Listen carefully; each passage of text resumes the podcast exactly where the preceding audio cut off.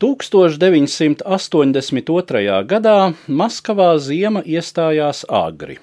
Jau oktobra otrajā pusē Krievijas galvaspilsētā temperatūra bija zem nulles, un pirmais sniegs klājās uz ielām, jumtiem un arī soliem atklātā Lužņiku stadiona tribīnēs. Par spīti gluži ziemīgajam laikam, Eiropas Futbola asociāciju apvienības kausa izcīņas mačs 1982. gada 20. oktobrī starp Maskavas Spartaku un Hārlemas pilsētas klubu no Nīderlandes tomēr netika atcelts.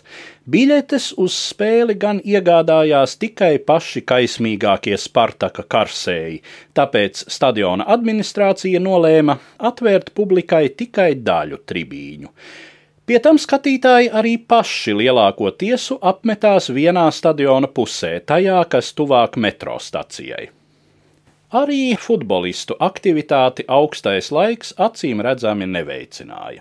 Vienīgos vārtus iesita Spartaka pussargs Edgars Hess, un kad līdz spēles beigām atlika vien pāris minūtes un nekas neliecināja, ka būtu gaidāms vēl kāds pavērsiens, publika sāka pamazām plūst uz izēju. Diezgan šaurajās kāpnēs, kas veda uz tribīņu izēju, sākās drūzmēšanās.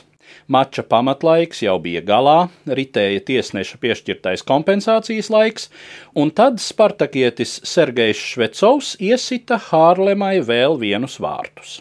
Ap to pašu laiku drūzmēšanās gaitenī un kāpnēs kļuva par nežēlīgu spiešanos aizmugurējies stūmās uz izēju un spieda priekšējos, cilvēkus trieca pret sienām, pakritušos bradāja kājām, viņiem virsū krita nākamie spiezdami ar savu ķermeņa svaru. Augumu spiedienu neizturēja kāpņu metāla margas, un cilvēki no vairāku metru augstuma krita uz betona grīdas. Milicijas, kas varētu mēģināt ieviest kārtību gaitenī, nebija, un ja arī būtu, tad miliči visdrīzāk būtu bezspēcīgi. Nākamajā dienā laikrakstā Večerņē Moskva parādījās divi teikumi. Vakar Lužņikos pēc futbola mača beigām noticis nelaimes gadījums. Starp līdzjutējiem ir cietušie. Tas bija vienīgais ziņojums padomju presē par Lužņiku traģēdiju. Patiesībā starp līdzjutējiem vismaz 66 cilvēki bija zaudējuši dzīvību, un vismaz 300 guvuši diezgan smagas traumas. 66 tas bija varas iestāžu vēlāk oficiāli atzītais skaitlis, kas gan, ievērojot notikušā apstākļus, šoreiz izklausās ticams.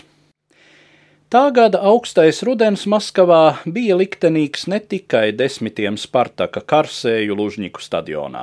7. novembrī, vērodams oktobra revolūcijas svētku parādi un gājienu sarkanajā laukumā, apsaldējās un dažas dienas vēlāk mira ilggadējais padomju kompartijas ģenerālsekretārs Leonīds Brežņevs.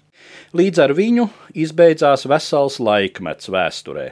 Milzīgā valsts ar bažām un neziņu raudzījās nākotnē, un tas viss lielā mērā notušēja Lužņiku traģēdijas šausmas.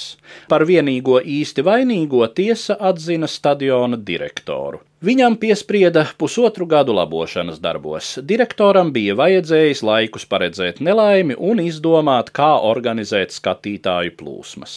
Par Lužņiku traģēdijas patiesajiem cēloņiem joprojām nav vienota viedokļa. Daudzi domā, ka liktenīgais bijis Švecova vārtu guvums. Daļa Spartaka karsēju metušies atpakaļ uz tribīnēm un tādējādi radies sastrēgums. Jau tūdaļ pēc traģēdijas Maskavā sāka cirkulēt kāda karsēju sacerēta dziesma, kuras teksts vēsta par neliešu mentu riebeklību, proti notikušajā tiek vainota milicija. Tajā vakarā sanākušie tribīnēs krietni iesildījušies ar attiecīga stipruma dzērieniem, miličus apmētājuši ar sniega pikām. To nenoliedz neviena ne otra puse. Iespējams, mests arī ar ledus gabaliem un pat pa kādai pudelei. Daži karsēji apgalvo, ka miliči ar nolūku atvēruši izējas tikai daļēji, lai šaurākā plūsmā atpazītu un arestētu galvenos nekārtību cēlājus. Drošu pierādījumu šādai versijai gan nav. Un vispār Lužņiku traģēdijas sakarā var teikt, ka tās sarīkošanai visdrīzāk nebija vajadzīga kāda mērķtiecīga darbošanās, pilnīgi pietika ar pārdomātas darbības trūkumu. Stāstīja Eduards Liniņš.